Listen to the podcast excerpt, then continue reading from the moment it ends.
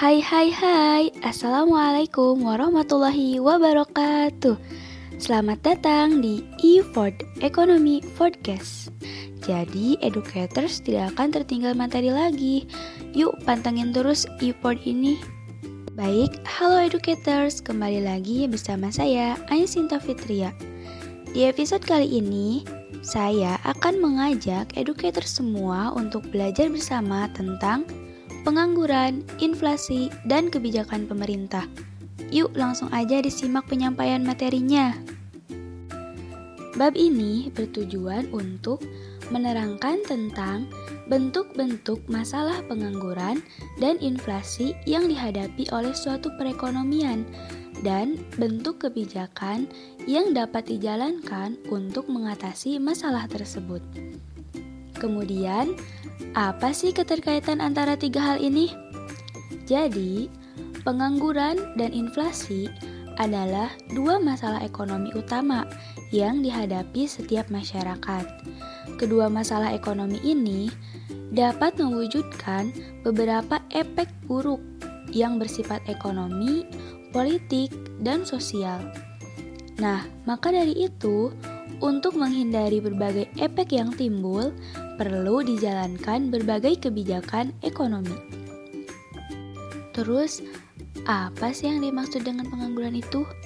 Jadi, pengangguran adalah suatu keadaan tanpa pekerjaan yang dihadapi oleh segolongan tenaga kerja yang berusaha mencari pekerjaan tetapi belum memperolehnya. Seseorang yang menghadapi masalah ini dinamakan penganggur. Kemudian, Perlu kita ketahui juga, ternyata pengangguran itu ada beberapa jenis. Terus, bagaimana cara kita untuk membedakannya? Jadi, dalam membedakan jenis-jenis pengangguran, terdapat dua cara untuk menggolongkannya, yaitu yang pertama, berdasarkan kepada sumber atau penyebab yang mewujudkan pengangguran tersebut. Yang kedua, berdasarkan kepada Ciri pengangguran yang wujud Jenis pengangguran berdasarkan penyebabnya dapat dibedakan menjadi empat jenis, yaitu yang pertama, pengangguran normal atau friksional. Pengangguran friksional adalah pengangguran yang terjadi karena sulitnya mencari pekerjaan yang sesuai dengan kualifikasi yang dimiliki. Namun, Para penganggur ini tidak memperoleh pekerjaan bukan karena tidak dapat memperoleh kerja, tetapi juga karena sedang mencari pekerjaan yang lain yang lebih baik. Nah, dalam perekonomian yang berkembang pesat, pengangguran tergolong rendah dan pekerjaan mudah diperoleh. Namun sebaliknya, pengusaha susah mencari pekerja, maka pengusaha tentunya akan menawarkan gaji yang lebih tinggi. Hal ini akan mendorong para pekerja untuk meninggalkan pekerjaan yang lama dan mencari pekerjaan yang baru yang lebih tinggi gajinya atau lebih sesuai dengan keahliannya. Nah, proses mencari kerja ini atau proses mencari kerja baru ini untuk sementara tergolong sebagai penganggur. Kemudian, jenis pengangguran yang kedua yaitu pengangguran siklikal.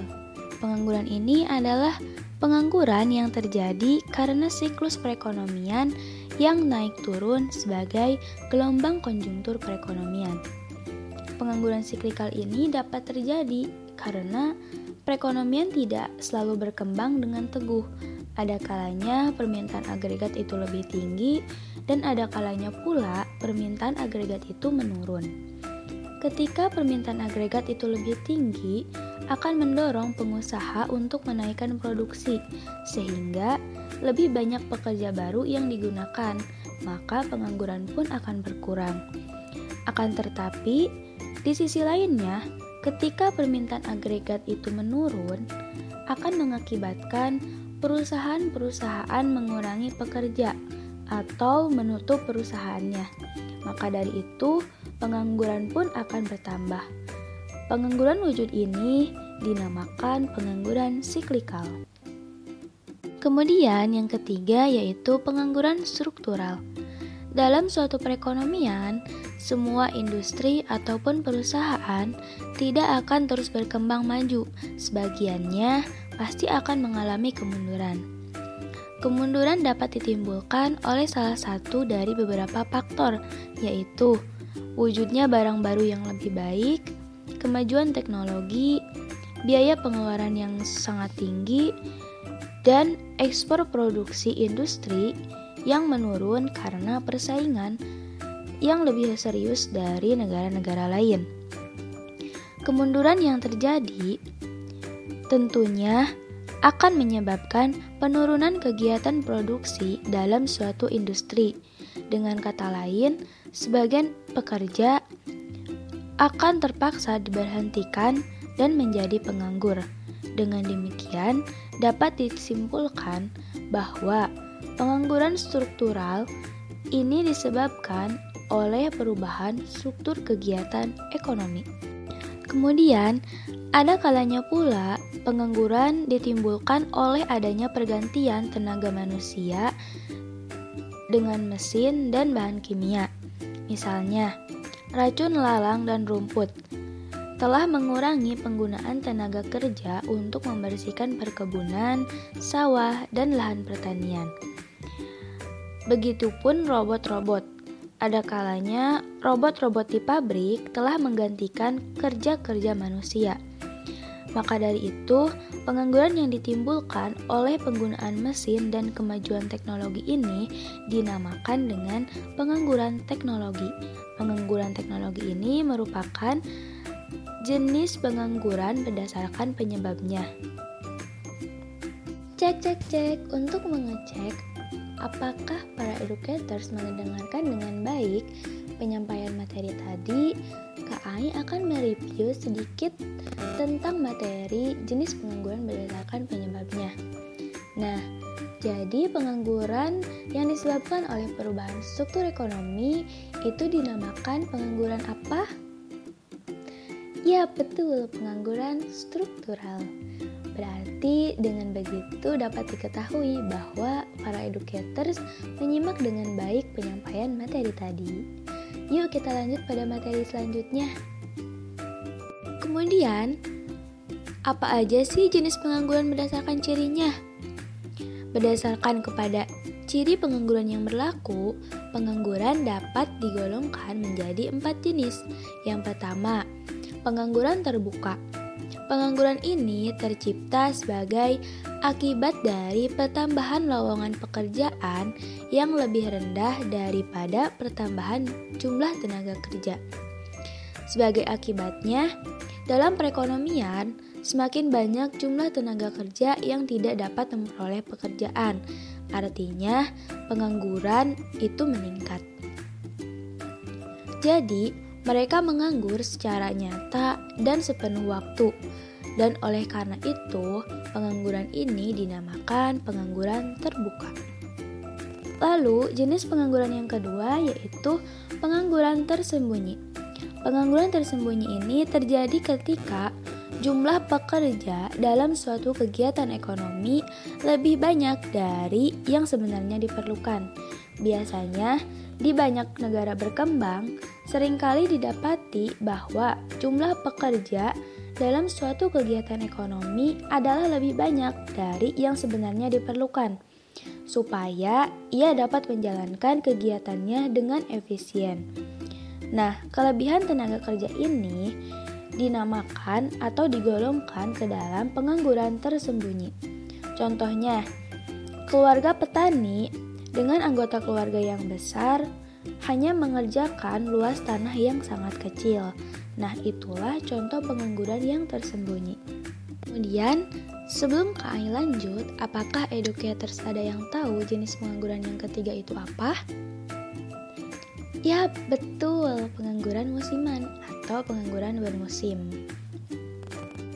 Nah, pengangguran bermusim ini dapat terjadi akibat perubahan musim atau perubahan permintaan tenaga kerja secara berkala. Pengangguran yang ini tergantung pada musim tertentu, biasanya terjadi pada sektor pertanian dan perikanan. Misal, pada musim hujan, penyadap karet dan nelayan itu tidak dapat melaksanakan pekerjaan mereka, sehingga mereka terpaksa untuk menganggur. Atau pada musim kemarau, para pesawah pula mereka tidak dapat mengerjakan tanahnya. Nah, pada masa itu, ketika para penyadap karet, nelayan, dan pesawah tidak melakukan pekerjaan lain, artinya mereka menganggur.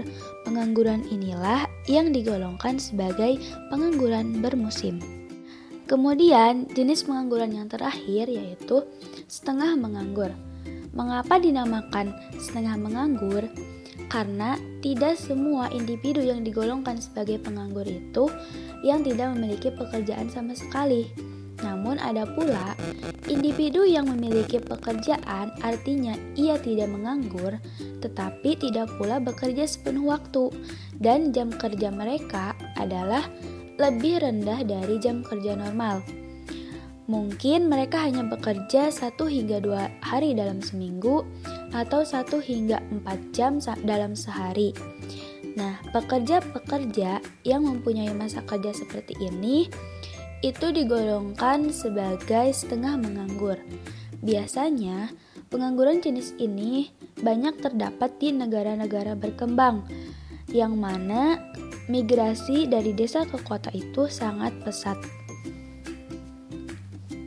Nah, jadi itulah jenis-jenis pengangguran yang dapat kita ketahui.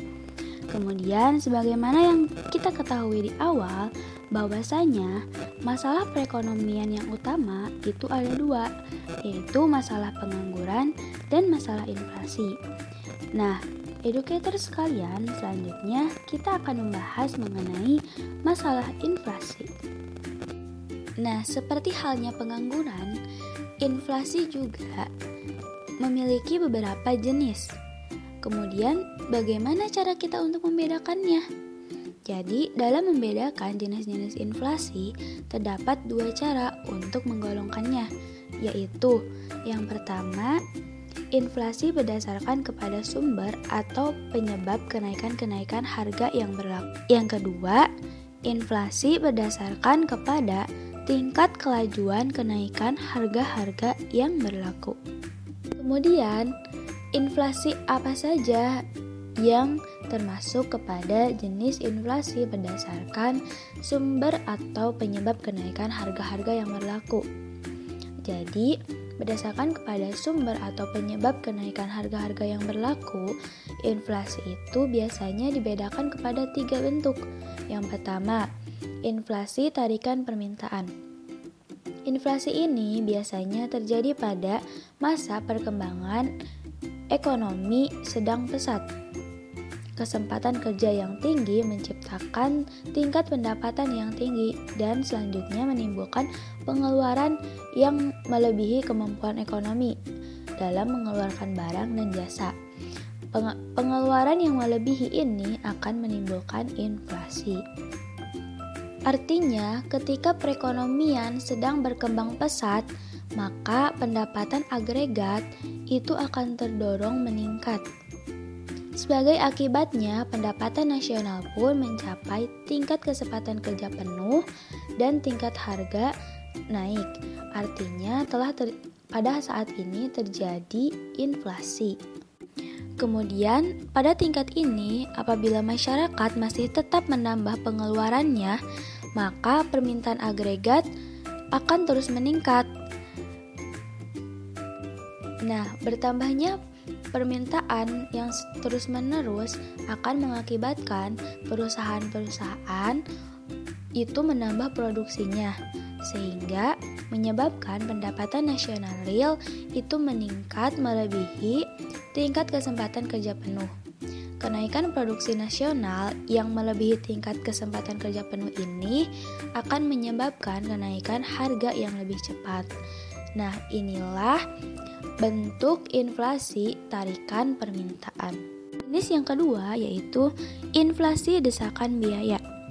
Inflasi ini terjadi di masa perekonomian berkembang dengan pesat, yaitu ketika tingkat pengangguran sangat rendah jadi, apabila perusahaan-perusahaan masih menghadapi permintaan yang bertambah, mereka akan berusaha menaikkan produksi dengan cara memberikan gaji dan upah yang lebih tinggi kepada pekerjanya dan mencari pekerja yang baru dengan tawaran pembayaran yang lebih tinggi. Langkah ini dapat mengakibatkan biaya produksi meningkat yang akhirnya akan menyebabkan kenaikan harga-harga berbagai barang. Nah, inflasi yang terakhir yaitu inflasi di impor.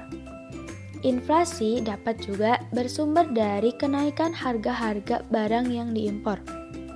Inflasi jenis ini terjadi apabila barang-barang yang diimpor mengalami kenaikan harga itu mempunyai peranan yang penting dalam kegiatan pengeluaran perusahaan-perusahaan. Dengan kata lain, barang-barang impor yang mengalami kenaikan harga itu berperan penting dalam kegiatan produksi barang-barang industri. Salah satu contoh nyatanya yaitu efek kenaikan harga minyak pada tahun 1970-an terhadap perekonomian negara-negara barat dan negara-negara pengimpor minyak lainnya. Ilustrasinya seperti ini. Minyak minyak memiliki peran penting dalam proses produksi barang-barang industri. Maka, kenaikan harga minyak tersebut akan menaikkan biaya produksi. Nah, kenaikan biaya produksi ini akan mengakibatkan kenaikan harga-harga barang. Kenaikan harga minyak yang tinggi pada tahun 1970-an yaitu dari 3 US dollar pada tahun 1973 menjadi 12 US dollar pada tahun 1974 dan menjadi 30 US dollar pada tahun 1979 menyebabkan masalah stagflasi yaitu inflasi ketika pengangguran tinggi di berbagai negara.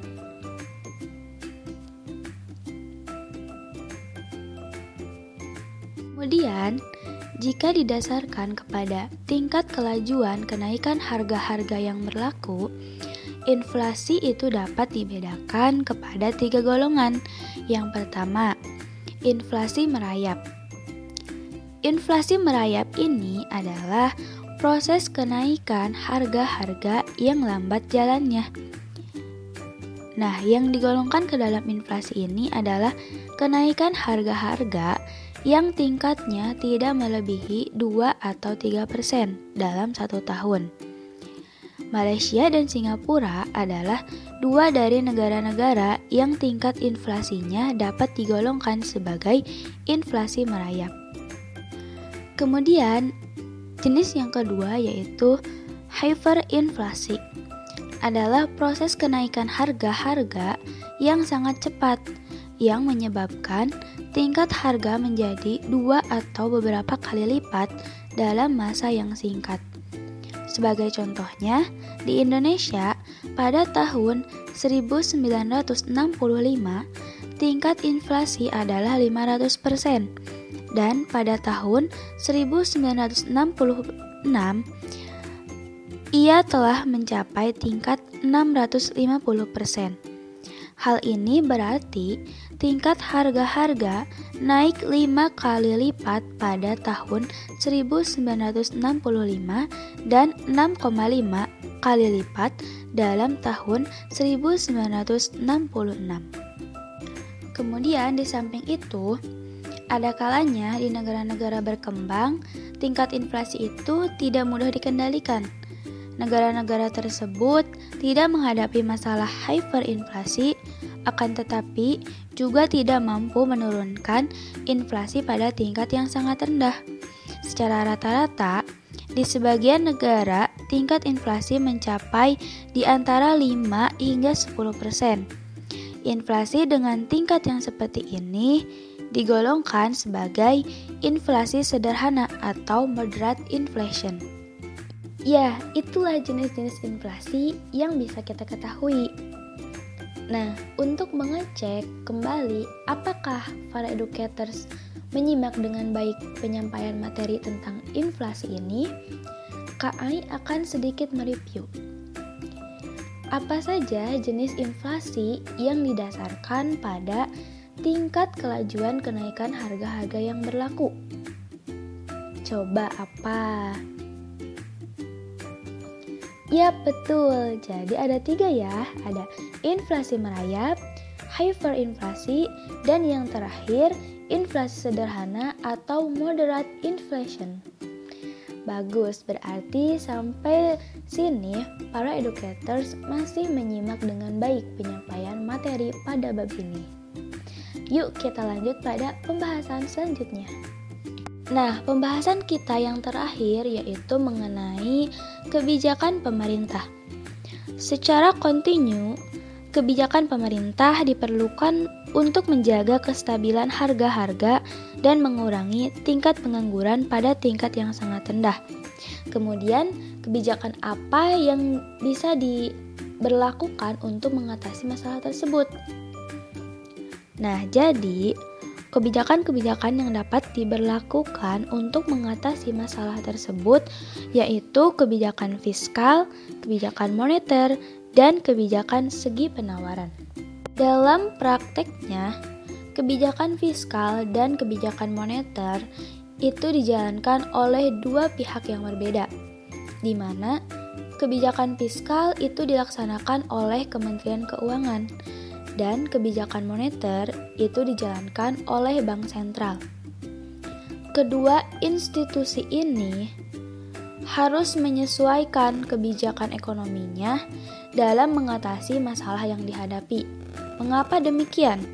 Karena apabila langkah kedua institusi ini menimbulkan efek yang bertentangan, yaitu ketika satu pihak menjalankan kebijakan untuk mengatasi inflasi dan pihak lainnya menjalankan kebijakan mengatasi pengangguran, kebijakan yang bertentangan ini tentu tidak akan mencapai tujuan dengan efektif.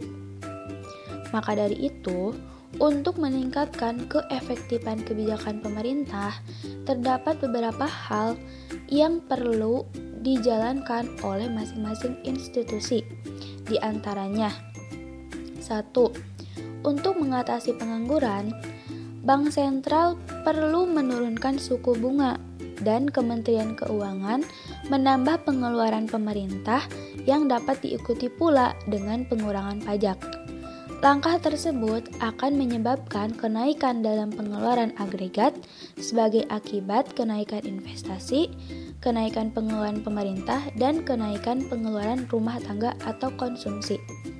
Kemudian, yang kedua, untuk mengatasi inflasi, tindakan yang perlu dijalankan Bank Sentral adalah mengurangi penawaran uang dan menaikkan suku bunga. Kebijakan moneter ini akan mengurangi investasi dan pengeluaran rumah tangga. Seterusnya, Kementerian Keuangan perlu melakukan pengurangan pengeluaran dan menaikkan pajak individu dan perusahaan. Nah, langkah tersebut dapat mengurangi pengeluaran pemerintah, mengurangi investasi, dan mengurangi pengeluaran rumah tangga.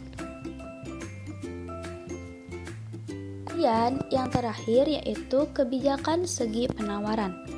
Kebijakan ini bertujuan untuk meninggikan efisiensi kegiatan ekonomi dan mendorong lebih banyak investasi yang akan memindahkan kurva penawaran agregat atau AS ke kanan atau ke bawah.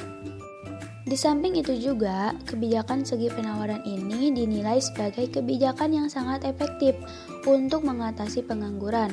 Karena di samping memindahkan AS juga dapat memindahkan agregat demand. Dan pada masa yang sama tingkat harga dapat distabilkan sehingga pertumbuhan ekonomi juga lebih pesat. Wah wah wah, para educators, tidak terasa kita sudah menyelesaikan pembahasan demi pembahasan pada bab ini. Dimulai dari masalah pengangguran, inflasi, dan kebijakan pemerintah untuk mengatasi masalah-masalah tersebut. Sampai sini, apakah para educators paham mengenai materi bab ini? Semoga para educators paham ya. Jika masih belum paham, tenang, para educators masih dapat mendengarkan ulang podcast ini karena e-pod ini dapat didengarkan kapan pun dan di mana pun. Terima kasih, mungkin cukup sekian yang bisa saya sampaikan. Sampai jumpa di episode-episode e-pod selanjutnya. Bye-bye. Wassalamualaikum warahmatullahi wabarakatuh.